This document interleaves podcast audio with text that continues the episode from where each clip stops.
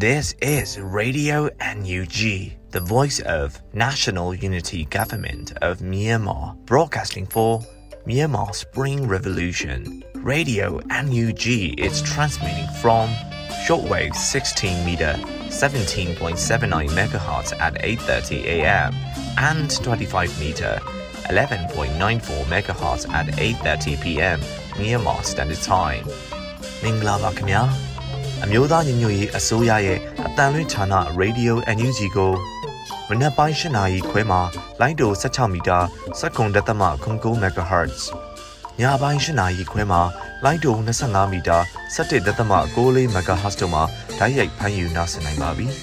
မင်္ဂလာအပေါင်းနဲ့ပြည့်စုံကြပါစေအခုချိန်ကစပြီး Radio NUG အစီအစဉ်တွေကိုဓာတ်ရိုက်အတန်လွှင့်ပေးနေပါပြီ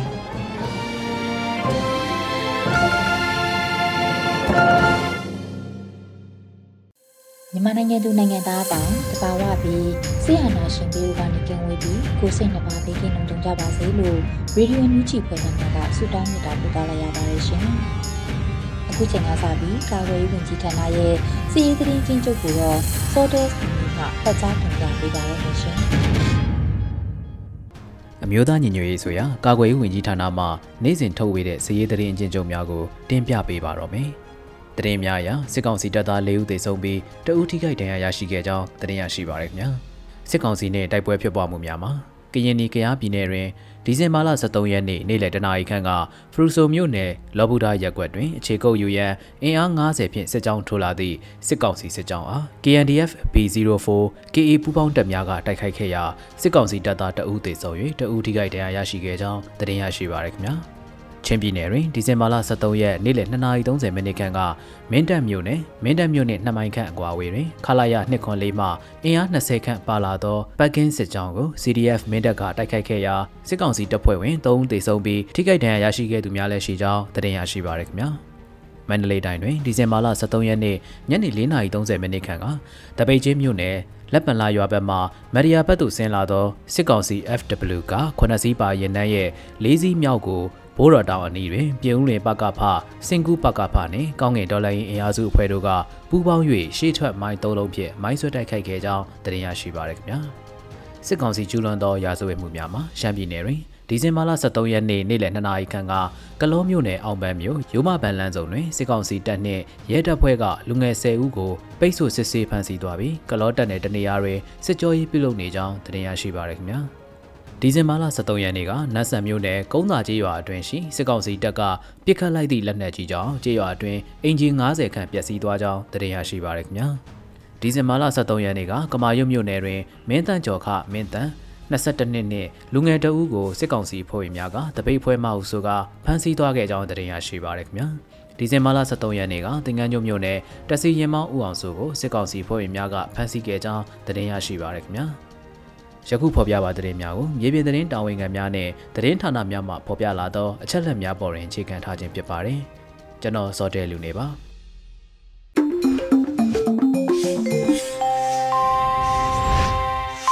ဗီဒီယိုညွှန်ချီမှာဆက်လက်တင်ပြနေပါတယ်။အခုဆက်လက်ပြီးနောက်ဆုံးရသတင်းများကိုຫນွေဦးမှမှဖတ်ကြားတင်ပြပေးပါမယ်ရှင်။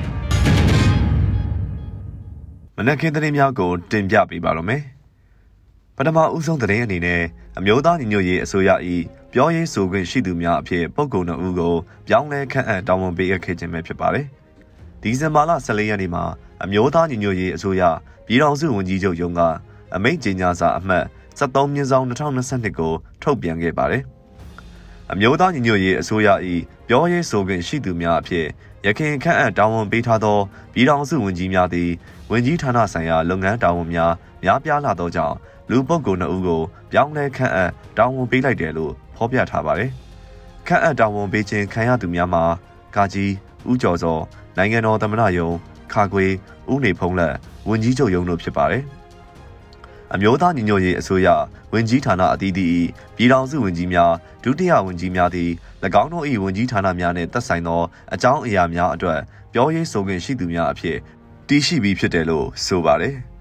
တမနာယုံပြောရေးဆိုခွင့်ရှိသူသည်ယာယီတမနာ၏ဆောင်ရွက်ချက်များအစိုးရ၏မူဝါဒများနှင့်သမရယုံနဲ့သက်ဆိုင်သည့်တရင်အချက်လက်များကိုဦးစားပေးထုတ်ပေါ်ပြောကြားရမှာဖြစ်တယ်လို့ထုတ်ပြန်ပါတယ်။ဝင်ကြီးချုပ်ယုံပြောရေးဆိုခွင့်ရှိသူသည်ဝင်ကြီးချုပ်အပါအဝင်အစိုးရအဖွဲ့အတွင်းဆောင်ရွက်ချက်များအစိုးရ၏မူဝါဒများနဲ့သက်ဆိုင်သည့်သတင်းအချက်လက်များကိုဦးစားပေးထုတ်ဖော်ပြောကြားရမယ်လို့ဖော်ပြထားပါတယ်ခင်ဗျာဆက်လက်ပြီး စစ်ကောင်စီဘက်ကကချင်ပြည်နယ်ဘက်မှာ PDF အမည်ခံပြီးငွေကောက်ခံကဒေါ်လာရင်းနဲ့ PDF ကိုနာမည်ဖြတ်ဖို့စ조사နေတယ်လို့ပြည်ထောင်စုဝန်ကြီးဒေါက်တာတူးခေါင်ကဆိုပါတယ်ဒီဇင်ဘာ14ရက်နေ့မှာပြည်ထောင်စုဝန်ကြီးဒေါက်တာတူးခေါင်ကအသိပေးဆိုပါတယ်စစ်ကောင်စီဘက်ကဒေါ်လာရေးကိုနာမည်ဖြတ်ဖို့အမျိုးမျိုးစ조사တဲ့ view ဟာတွေအများကြီးတဲ့ကအခုတလောခက်စိတ်စိတ်နေရတကာဖြစ်လာတာကလမ်းပေါ်မှာ PDF အမည်ခံပြီးငွေကောက်နေတဲ့ကိစ္စပဲဖားကန်လမ်းမှာလုံနေတဲ့ပုံစံနဲ့ ဝက်လက်မှာလုံနေတဲ့ပုံစံကတပုံစံနဲ့ပါစစ်ကောင်စီနောက်လိုက်ပြည်သူစစ်နဲ့ပြူစောတိအဖွဲ့ဝင်တွေကိုလှုပ်ခိုင်းတာချင်းလဲတူသလိုလုံနီးလုံဟန်လဲတူတယ်အနီးအနားမှာစစ်ကောင်စီစစ်ကြောင်းကလုံခြုံရေးပေးထားတယ်တရင်ပြန်တာနဲ့ချက်ချင်းရုတ်ခိုင်းတယ်ဖားကန်လမ်းပေါ်မှာတော့ပိုထင်ရှားသွားတယ်ကားသမားတွေက KIA ကောက်ပြီးသားဆိုရင် PDF တွေထပ်မကောက်ဘူးထင်ပြီး KIA ပေးလိုက်တဲ့ဖြတ်ပိုင်းပြတယ်။အဲ့မှာနောက်ကျောဘက် PTF PDF လို့ရေးချင်တာလို့ထပ်ရေးပြီးကောက်ပါလေရော အဲ့မှာပေါ်တာပဲလို့ဝန်ကြီးကဆိုပါတယ်။အဆိုပါဖြစ်ရများကိုပြည်သူတွေသတိရှိကြရန်နဲ့လမ်းပိုင်းဆိုင်ရာကိုဂရုပြုရန်ဆိုထားပါတယ်ခင်ဗျာ။ပြည်သူဝန်ဆောင်မှုလုပ်ငန်းများဆောင်ရွက်ရာတွင်အချိတ်အဆက်မိမိဆောင်ရွက်ရန်အရေးကြီးကြောင်းပြည်ထရေးဒုဝန်ကြီးခူးတဲ့ဘူးကပြောကြားလိုက်ပါတယ်။ပြည်သူဝန်ဆောင်မှုလုပ်ငန်းများဆောင်ရွက်ရာတွင်အချိတ်အဆက်မိမိဆောင်ရွက်ရန်အရေးကြီးကြောင်းပြည်ထရေးဒုဝန်ကြီးခူးတဲ့ဘူးကပြောကြားလိုက်ပါတယ်။ဒီဇင်ဘာ14ရက် ပြည်ထရေးနဲ့လူဝင်မှုကြီးကြပ်ရေးဝန်ကြီးဌာနနဲ့စကိုင်းတိုင်း၊မကွေးတိုင်း၊ပဲခူးတိုင်းရှိမြို့နယ်ပြည်သူ့အုပ်ချုပ်ရေးအဖွဲ့များတွဲဆုံဆွေးနွေးရာမှာပြည်ထရေးဒုဝန်ကြီးကပြောပါတယ်။မြို့နယ်များအနေဖြင့်ဒေသမှလိုအပ်ချက်များကိုဆွေးနွေးကြစီလိုကြောင်းဒေတာအသီးသီးမှလိုအပ်ချက်ဆွေးနွေးခြင်းဖြင့်ရှေ့ဆက်ဆောင်ရွက်ရမည့်လုပ်ငန်းကိုသိရှိနိုင်မည်ဖြစ်ကြောင်း ဒေါ်လန်ရေးတွင်ထဲထဲဝင်ဝင်ပါဝင်နေကြသူများဖြစ်၍အခက်အခဲများကိုညှိနှိုင်းဖြေရှင်း၍လုပ်ငန်းများဆောင်ရွက်သွားစေလိုကြောင်းပြည်သူဝန်ဆောင်မှုလုပ်ငန်းများဆောင်ရွက်ရာတွင်အချိတ်အဆက်မိမိဆောင်ရွက်ရန်အရေးကြီးကြောင်းဆိုခဲ့ပါတယ်။ဆက်လက်၍ပြည်ထရေးနှင့်လူဝင်မှုကြီးကြပ်ရေးဝန်ကြီးဌာနပြည်သူ့အုပ်ချုပ်ရေးဦးစီးဌာန၏တာဝန်ရှိသူမှ ဝင်ကြီးဌာန၏လုပ်ငန်းဆောင်ရွက်ချက်များကိုရှင်းလင်းပြောကြားခဲ့ပြီးနောက်တက်ရောက်လာသောမြို့နယ်ပအဖအဖွဲ့ဝင်များကရေပြင်အုပ်ချုပ်ရေးဆောင်ရွက်နေမှုများကြုံတွေ့နေရသည့်အခက်အခဲများနဲ့လိုအပ်ချက်များစသည်တို့ကိုရှင်းလင်းတင်ပြခဲ့ပါတယ်။အစည်းအဝေးသို့ ဒုဝန်ကြီးခူးတဲ့ဘူးမှဦးဆောင်ကပြည်သူ့အုပ်ချုပ်ရေးဦးစီးဌာနပြည်သူ့ရဲတပ်ဖွဲ့မိသက်ဦးစီးဌာနလူဝင်မှုကြီးကြပ်ရေးဦးစီးဌာနအထူးစုံစမ်းထောက်လှမ်းရေးဦးစီးဌာနတို့မှတာဝန်ရှိသူများစကိုင်းတိုင်းမကွေးတိုင်းပဲခူးတိုင်းတို့မှမြို့နယ်ပြည်သူ့အုပ်ချုပ်ရေးအဖွဲ့ဝင်များတက်ရောက်ခဲ့ကြပါတယ်ခင်ဗျာပြည်ထောင်စုလွှတ်တော်ကုစားပြုကော်မတီ၏လုပ်ငန်းဆောင်ရွက်ချက်များအားမွန်ပြည်နယ်၊ကယားပြည်နယ်နဲ့တနင်္သာရီတိုင်းဒေသကြီးတို့မှပြည်ထောင်စုလွှတ်တော်ကိုယ်စားလှယ်များကိုရှင်းလင်းခဲ့ပါတယ်။ပြည်ထောင်စုလွှတ်တော်ကုစားပြုကော်မတီက လက်ရှိဆောင်ရွက်လျက်ရှိသည့်လုပ်ငန်းများနဲ့ဆက်လက်အကောင့်ထဲပေါ်ဆောင်ရွက်မိလုပ်ငန်းစဉ်များအားရှင်းလင်းတင်ပြခြင်းအစီအစဉ်ပထမနေ့အဖြစ်မွန်ပြည်နယ်၊ကယားပြည်နယ်နဲ့တနင်္သာရီတိုင်းဒေသကြီးတို့မှပြည်ထောင်စုလွှတ်တော်ကိုယ်စားလှယ်များအားဒီဇင်ဘာလ14ရက်နေ့ဗီဒီယိုကွန်ဖရင့်မှာတဆင့်တင်ပြခဲ့ကြပါတယ်။ တွေ့ဆုံဆွေးနွေးပွဲတွင်ပြည်ထောင်စုလွှတ်တော်ကိုစားပြုကော်မတီဥက္ကဋ္ဌဦးအောင်ကြည်ညွန့်ကအဖွင့်အမှားစကားပြောကြား၍အဖွဲ့ဝင်ဒေါ်မြတ်တီတာထွန်းကလက်ရှိဆောင်ရွက်လျက်ရှိသည့်လုပ်ငန်းများနဲ့ဆက်လက်အကောင့်ထဲပေါ်ဆောင်မိလုပ်ငန်းစဉ်များအား၎င်းအဖွဲ့ဝင်ဦးစီသူမောင်ကရေးရာကော်မတီများ၏လုပ်ငန်းဆောင်ရွက်ချက်များနဲ့ဆက်လင်း၍၎င်းရှင်းလင်းတင်ပြခဲ့ကြပါသည်ထို့နောက် တက်ရောက်လာကြသူများက CRPH ၏လုပ်ငန်းဆောင်ရွက်ချက်များနဲ့အစီအစဉ်များပုံမခိုင်မာအားကောင်းလာစေရန်အကြံပြုဆွေးနွေးခဲ့ကြပြီးပြည်ထောင်စုလွှတ်တော်ကစားပြုကော်မတီအဖွဲ့ဝင်များကပြန်လည်ရှင်းလင်းဆွေးနွေးခဲ့ပါတယ်။ထို့နောက်ဥက္ကဋ္ဌဦးအောင်ကြည်ညွန့်က CRPH လုပ်ငန်းများပုံမအားကောင်းလာစေရန်နဲ့ဒေါ်လာရေးအပေါ်အကျိုးထိရောက်စွာဆောင်ရွက်သွားမည့်လုပ်ငန်းများအပေါ်အကြံပြုချက်များအကြံဉာဏ်များပေးပို့ရန်မြစ်တာရက်ခံကြောင်းပြောကြားခဲ့ပါတယ်ခင်ဗျာ။ စကိုင်းတိုင်းမုံရွာချောင်းဦးမြင်းမူလမ်းပိုင်းကိုအရေးပေါ်လိုအပ်ချက်အရယာယီပိတ်ထားလိုက်တယ်လို့သတင်းရရှိပါတယ်။ဒီဇင်ဘာ14ရက်ညပိုင်းမှာချောင်းဦး PDF ကအသိပေးဖော်ပြပါတယ်။မုံရွာချောင်းဦးမြင်းမူလမ်းပိုင်းကိုယခုကြေညာချက်ထုတ်ပြန်ချိန်မှစ၍နောက်ထပ်ကြေညာချက်တစုံတရာမထုတ်ပြန်မီအထိအရေးပေါ်လိုအပ်ချက်အရယာယီပိတ်ထားလိုက်ပါတယ်လို့ဖော်ပြပါတယ်။ယာယီပိတ်ထားချိန်တွင်ကြေညာချက်ပါလမ်းပိုင်းကိုပြည်သူတို့၏လုံခြုံရေးအတွက်လုံးဝအသုံးမပြုကြပါရန်အသိပေးနှိုးဆော်ထားပါတယ်။ အထက်ပါလမ်းပိုင်းတွင်သွာလာနေကြသော မော်တော်ယာဉ်များအနေဖြင့်အန်ဒီယယ်ကင်းရှင်းစေရန်အတွက်ရောက်ရာအရက်တွင်ခိတရန်နာထားကြပါရန်နဲ့အဆိုပါလမ်းပိုင်းကိုလည်းလက်ရှိအသုံးပြုလျက်ရှိနေသောမိမိ၏ဆွေမျိုးမိတ်ဆွေများကိုထပ်ဆင့်အကြောင်းကြားပေးကြပါရန်မြစ်တာရက်ခံထားပါရခင်ဗျာဒီလင်းမြို့အထိုင်တက်နဲ့ရွှေအောင်သာအထိုင်တက်ရောထွေးစစ်ကြောင်းညောင်ဟောင်းကျေးပါအနီးတစ်ဝိုက်သို့ရောက်လာစဉ် YRA ထီလင်းကင်းထောက်ရဲဘော်ပစ်ခတ်၍စစ်ကောင်စီတပ်ကတအူးတေဆုံးခဲ့ပါတယ်။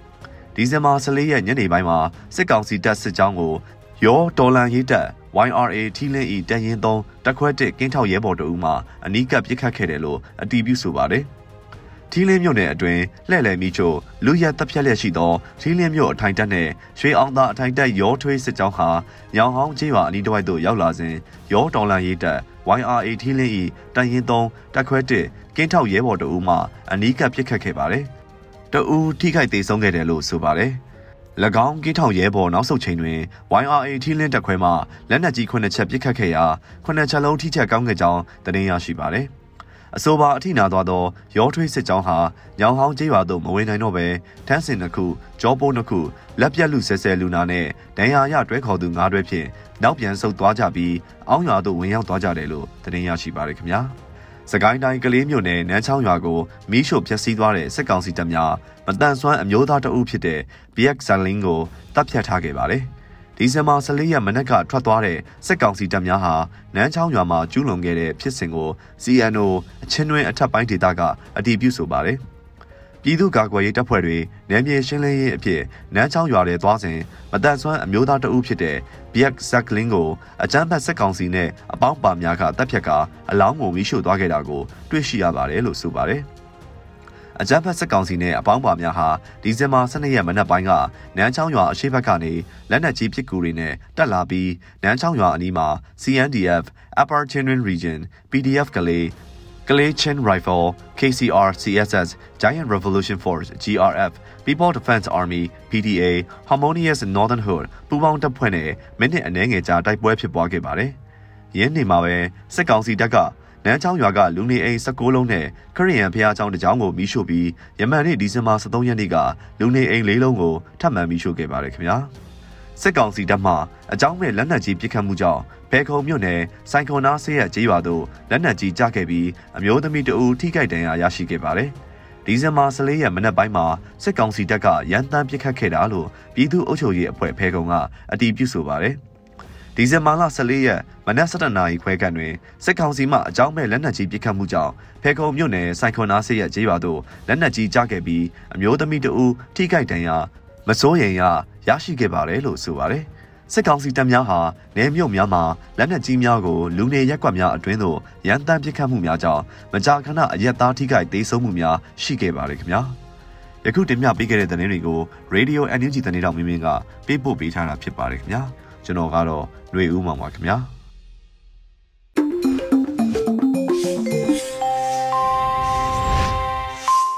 အခုဆက်လက်ပြီးတ ရုတ်ဆောင်ချစ်သူတွေရဲ့အမှုပညာရှင်တွေကိုမြစ်တရက်ခံချက်အနေနဲ့တင်ပြပေးဖို့ရှိပါတယ်။ကျမတို့နိုင်ငံတော်ကြီးဟာအစဉ်ပြေပျော်ရွှင်နေတဲ့ဆိုတဲ့ပုံသွင်းခံရမှုမှာအညံ့မခံလိုက်ဖို့အခုလိုမြစ်တရက်ခံထားတာကိုနားဆင်ကြရမှာဖြစ်ပါရဲ့ရှင်။ဒီလူဦးတော်လိုင်းရေးမှာမပါဝင်ကြတဲ့သူတွေပါဝင်နေရနေရက်တန့်သွားတဲ့သူတွေဆက်လက်ပြီးတော့ပါဝင်ဖို့ဟို တုံဆိုင်သွားကြတဲ့သူတွေပေါ့နော်အချံလုံးဝမပေးချင်ဘူးဒါပေမဲ့အမဖြစ်စားနားလည်မှုတွေအများကြီးပေးပါတယ်လို့ဘာဖြစ်လို့လဲဆိုတော့အနုပညာတဲ့အနုပညာရှင်ဆိုတာကအခုအချိန်မှပေါ့နော်အဲ tragedy လို့အချိန်ကြာမှစဉ်းစားမိတာပေါ့နော်ပြန်လေတွေးတော့မိတာကိုဘွားလေးတက်ဆုံးသွားတော့မှငါဘွားလေးကဘလို့ပါလားဆိုပြီးတော့ပေါ့နော်အနုပညာတဲ့ဆိုတာ လူတိုင်းလူတိုင်းမျက်နှိုးတဲ့လူချင်းတဲ့ပေါ့နော်လူတိုင်းတက်မှတ်တဲ့အောင်မြင်မှုရှိတယ်ကြော်ကြားမှုရှိတယ်ငွေကြေးရှာရဘလောက်ပဲပင်ပန်းခက်ခဲတယ်ပြောပြောဘလောက်ပဲကိုဘွားကိုမပိုင်ဘူးပြောပြောဝင်ဝင်တော့လွယ်တာပဲဒီ profession ကဒါကတော့မတော်တော်လက်ခံရမယ်ပြီးရင်ချစ်ခင်တဲ့သူတွေပေါ်တယ် အမအခုကိုမကိုတွေအကုန်တုံးရတော့မှလေ။အော်ကိုမင်းသမီးအဆိုတော့ကိုကကိုကိုချစ်ခင်ခဲ့တဲ့သူတွေတခါမှဟိုတောင်းတခဲ့ရတဲ့အစားအသောက်တွေပစ္စည်းတွေဆိုတော့မရှိဘူးပေါ့နော်အဲ့ပြောချင်တာကအမှုပညာတဲ့ဘဝဆိုတာလူတိုင်းရဲ့အချစ်ခံရတယ်လူတိုင်းရဲ့အမျက်နှိုးခံရတယ်လူတိုင်းရဲ့ရှေ့ဆုံးကနေဦးစားပေးခြင်းခံရတယ်အဲ့တော့ဒီဘဝကြီးတစ်ခုလုံးကြီးကိုအဆုံးတက်ပြစ်လိုက်ဖို့ထားခဲ့ပြီးတော့ ဒီလမ်းကြီးကိုငါတို့တော့ရှောက်လိုက်မယ်ဆိုတာကြီးကကြတော့ကိုတန်မိုးထားတဲ့ရေချိန်အနေမြင့်တွေပေါ်မှာမူတည်သွားတယ်ဆိုတော့အဲနားလေတယ်ဘာဖြစ်လို့လဲဆိုတော့အားလုံးကအဲအသွင်မတူကွဲပြားကြတာပေါ့နော်အားလုံးကကိုယ်ရွေးချယ်မှုနဲ့ကိုဖြစ်တဲ့အတွက်မဒရဇာကအကြံပေးပြောကြားခြင်းအလင်းမရှိပါဘူးဒါပေမဲ့အဲမေတ္တာရက်ခံခြင်းတော့ရှိတယ်ဘာလဲဆိုတော့ဒီနွေဦးတော်လိုင်းရေးတိုက်ပွဲဟာအဲဒီနိုင်ငံမှာခေတ်ဆက်ဆက်စစ်အာဏာရှင်အောက်မှာ ဟိုကြရှုံးခဲ့ရတာပေါ့နော်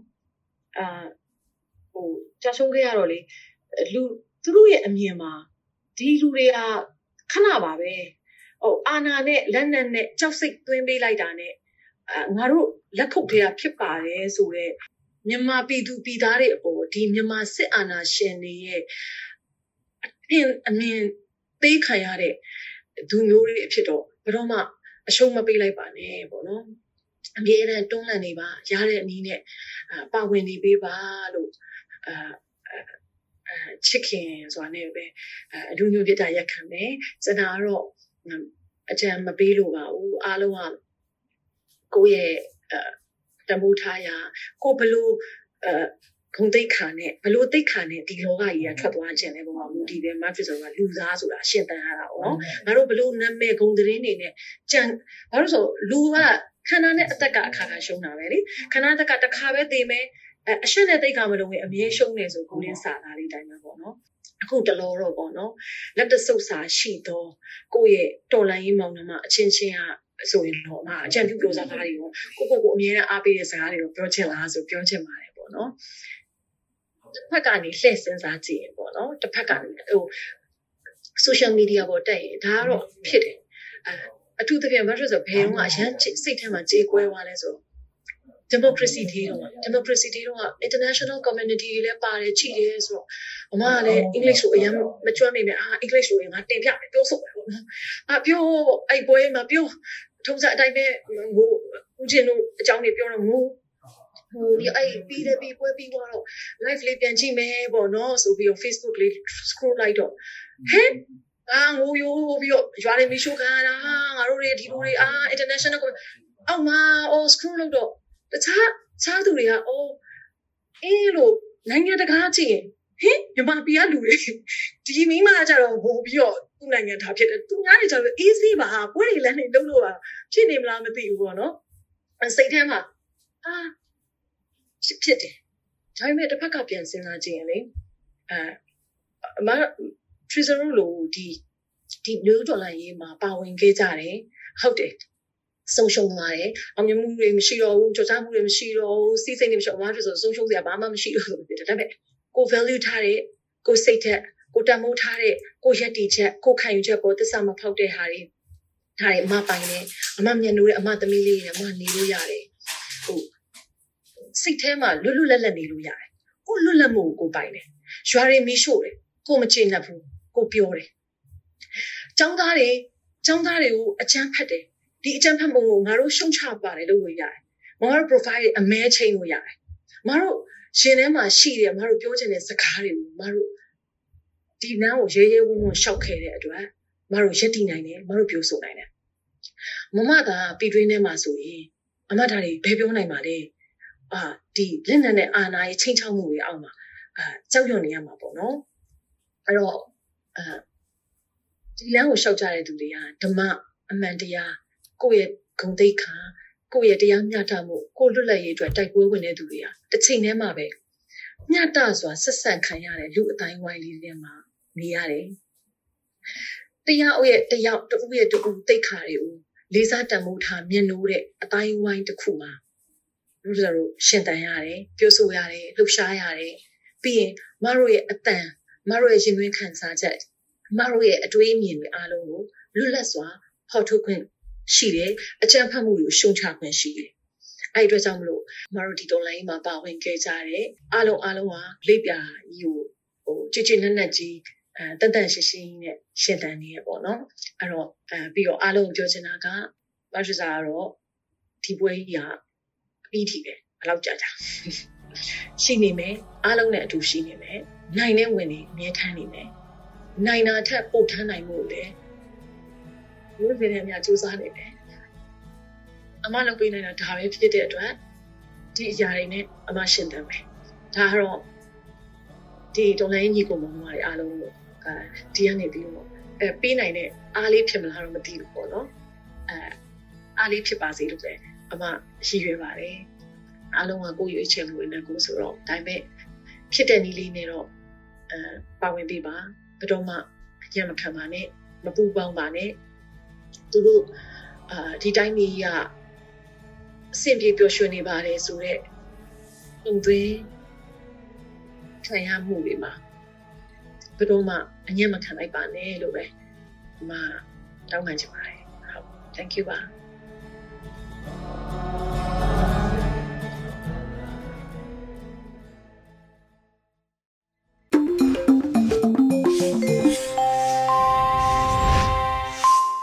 ဗီဒီယိုညူးချီမှာဆက်လက်တင်ပြနေပါတယ်။အခုဆက်လက်ပြီးပြည်သူ့ခုခံစစ်တရင်များကိုမျိုးဦးလိပ်ပြမှဖတ်ကြားတင်ပြပေးပါရမရှင်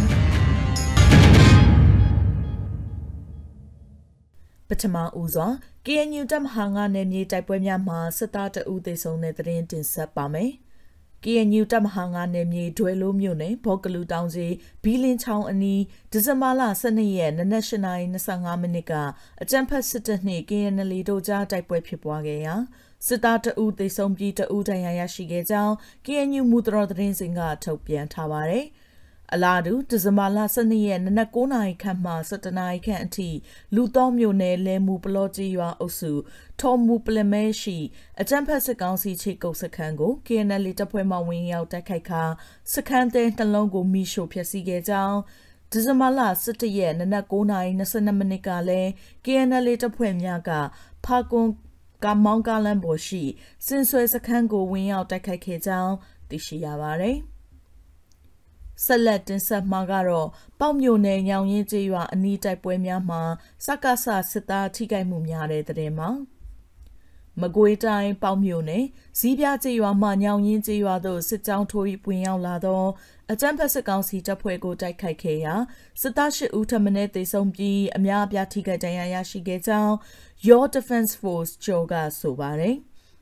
နိုဝင်ဘာလ28ရက်နနက်8:30မိနစ်30ခန်းကစတင်ပြီးအကြမ်းဖက်စစ်ကောင်စီတပ်နှင့်ပူးပေါင်းတပ်ဖွဲ့တို့ကြားတိုက်ပွဲဖြစ်ပွားခဲ့ရာ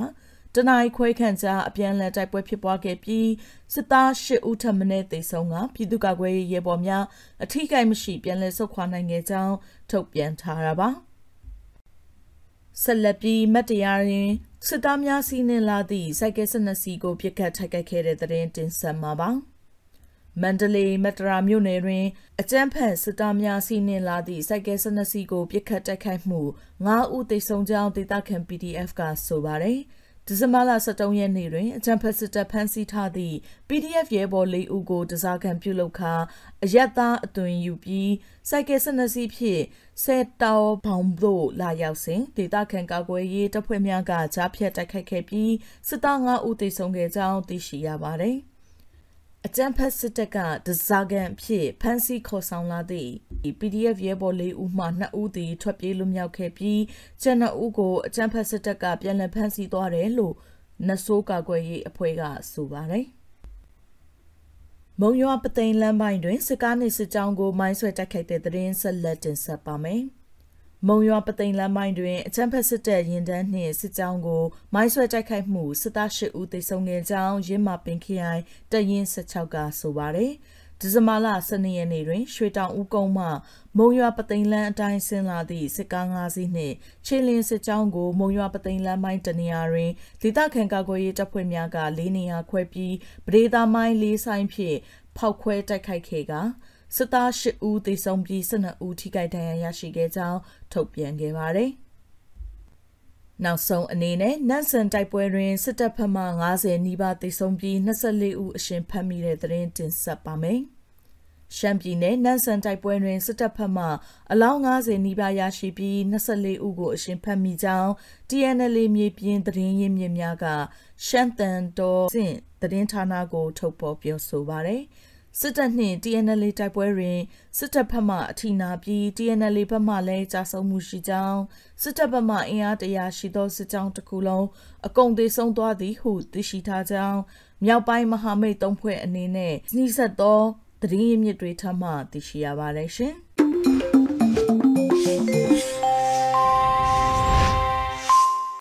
ရေဒီယိုညူချီပရိသတ်တွေကိုဒီဆက်လက်ပြီးထုတ်လွှင့်ပေးတာကတော့ PPTV ရဲ့နေ့စဉ်သတင်းများဖြစ်ပါ တယ်။ထထအင်္ဂါအောင်မှဖတ်ကြားတင်ပြပေးပါရမရှင်။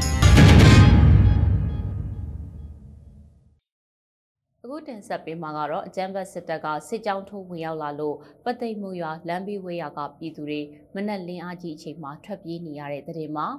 အကြမ်းဖက်စစ်တပ်ရဲ့လက်ဗရောင်းတောင်နီမှာတက်ဆွဲထားတဲ့စစ်ကြောင်းကပသိမ်မှုရွာကားလန်အတိုင်းရမတတာဘက်ကိုဥတီလာနေတဲ့အတွက် ပသိမ်မှုရွာလမ်းဘေးဝေးရွာကပြည်သူတွေဒီကနေ့မနက်လင်းအားကြီးအချိန်မနက်2နာရီခွဲအချိန်ကတည်းကထွက်ပြေးတိမ်းရှောင်နေရတယ်လို့ဒေသခံပြည်သူတွေက PPTV ကိုသတင်းပေးပို့ပြောကြားပါရယ်။မနေ့ကလက်ဗရောင်းတောင်နာမှာတက်ဆွဲထားတဲ့စစ်ခွေးတွေကပသိမ်မုံရွာလန်အတိုင်းရမားတရားကိုဥတီပြီးတော့ပြန်လာတဲ့ဒုံတော်ကြီးရွာမှာရှိတဲ့နေတွေကိုဝင်ရောက်ဝင်နောက်တာတွေပြုလုပ်နေတာဂုံတော်ရွာနဲ့ဒုံတော်ရွာကဘုန်ကြီးကျောင်းတွေမှာတက်ဆွဲထားပါတယ် ဒီနေ့မနက်2နာရီလောက်မှာအဲ့ဒီတက်ကလှုပ်ရှားလာပြီးအကျူကုန်းခေါ်လေးထန်ကုန်းကစပြီးလက်ဗရောင်းကြီးစင်တောင်အနာကကြီးရွာတွေတိတ်ရှောင်နေရပါတယ်လို့ရင်းမပင်စလင်ကြီးရွာပေါင်းစုံတပိတ်ဥဆောင်ကော်မတီဝင်တအူးက PPTV ကိုပြောပါတယ်အကြမ်းဖက်စစ်တပ်ကဒီကနေ့မနက်အထိရမဒတာမြောက်ထိပ်ကကြေးရွာနှစ်ရွာမှာဝင်ရောက်ဝင်နှောက်နေသလိုရမဒတာတောင်ထိပ်ကကြေးရွာနှစ်ရွာကိုလည်းမနေ့ညကအကြမ်းဖက်စစ်တပ်ကတက်ဆွဲထားပါတယ် လက်တလောလက်ဗရောင်းတောင်ကြီးစင်တောင်အနီးအနာကကြေးရွာ73ရွာခန့်ထွက်ပြေးတိမ်းရှောင်နေရပြီးတော့ဆွေးရှောင်ပြည်သူ12000ခန့်စားဝတ်နေရေးအခက်အခဲတွေကြုံတွေ့နေရတယ်လို့ဒေသခံတွေကပြောပါတယ်။ရာသီဥတုဆိုးရတဲ့အတွက်တက်ကြီးရွယ်အိုတွေနဲ့ကလေးငယ်တွေရဲ့ကျန်းမာရေးအခြေအနေစိုးရိမ်နေရတယ်လို့လည်းဒေသခံတွေကပြောပါတယ်။ပြီးခဲ့တဲ့ဒီဇင်ဘာလ12ရက်မှာလက်ဗရောင်းတောင်ကတရုတ်တွေနှစ်ကူအတွက်နေရပြန်ချိန်မှာအကြမ်းဖက်စစ်တပ်ကလက်ဗရောင်းတောင်အနီးကကြီးရာတွေကို ဝေရောက်ဝင်နောက်မှုတွေပြုလုပ်နေတာလည်းဖြစ်ပါတယ်။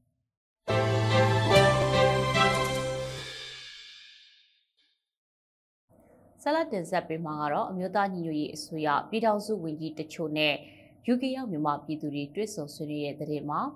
အမျိုးသားညီညွတ်ရေးအစိုးရနိုင်ငံသားရေးဝန်ကြီးဌာနပြည်ထောင်စုဝန်ကြီးဒေါ်စင်မအောင်ကာဝေးဝန်ကြီးဌာနပြည်ထောင်စုဝန်ကြီးဦးရီမော် စီမံကိန်းဗန္နာရေးနဲ့ယင်းနှိမ့်မြုပ်နှံမှုဝန်ကြီးဌာနပြည်ထောင်စုဝန်ကြီးဦးတင်ထွန်းနိုင်တို့နဲ့ UK ရောက်မြန်မာပြည်ပွားပြည်သူများတွေ့ဆုံပွဲကိုဒီဇင်ဘာလ17ရက်ကဗီဒီယိုကွန်ဖရင့်ကနေတဆင့်ပြုလုပ်ခဲ့ပါတယ်။ဆွေးနွေးပွဲမှာပြည်ထောင်စုဝန်ကြီးဦးတင်ထွန်းနိုင်ကတော်လှန်ရေးစတင်ချိန်ကနေယခုအချိန်ထိလက်တွဲနေကြတဲ့တော်လှန်ရေးရဲဘော်ရဲဘက်တွေကိုဆောင်ရွက်ပြီးစီမှုတွေ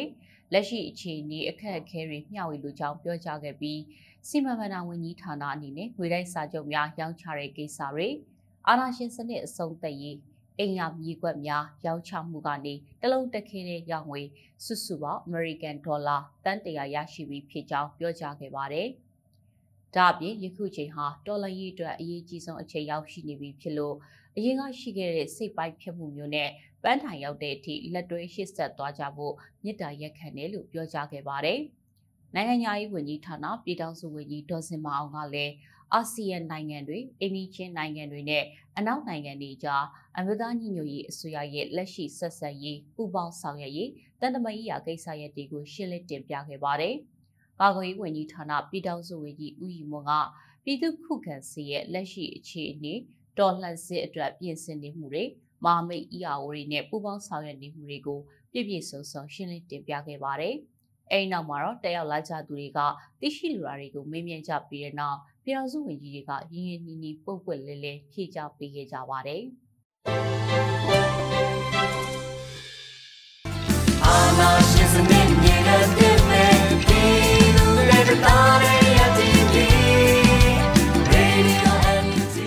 ဒီကနေ့ကတော့ဒီညနေပဲ Radio NUG ရဲ့အစည်းအဝေးကိုခਿੱတရရနိုင်ပါမယ် မြန်မာစံတော်ချိန်မနက်၈နာရီခွဲနဲ့ည၈နာရီခွဲအချိန်တွေမှာပြန်လည်ဆုံးဖြတ်ကြပါစို့ Radio NUG ကိုမနက်ပိုင်း၈နာရီခွဲမှာလိုင်းဒို16မီတာ7.9 MHz ညပိုင်း၈နာရီခွဲမှာလိုင်းဒို25မီတာ17.6 MHz တို့မှာဓာတ်ရိုက်ဖမ်းယူနားဆင်နိုင်ပါပြီမြန်မာနိုင်ငံသူနိုင်ငံသားများကိုယ်စိတ်နှပြကျန်းမာချမ်းသာလို့ဘေးကင်းလုံခြုံကြပါစေလို့ Radio NUG အဖွဲ့သူအဖွဲ့သားများကဆုတောင်းလိုက်ရပါတယ်။အမျိုးသားညီညွတ်ရေးအစိုးရရဲ့စက်သွေးရေးတရင်အချက်အလက်နဲ့ဤပညာဝန်ကြီးဌာနကထုတ်လွှင့်နေတဲ့ Radio NUG ဖြစ်ပါတယ်။ San Francisco Bay Area အခြေစိုက်မြန်မာမိသားစုများနဲ့နိုင်ငံတကာကစေတနာရှင်များလှုပ်အားပေးများရဲ့ Radio NUG ဖြစ်ပါတယ်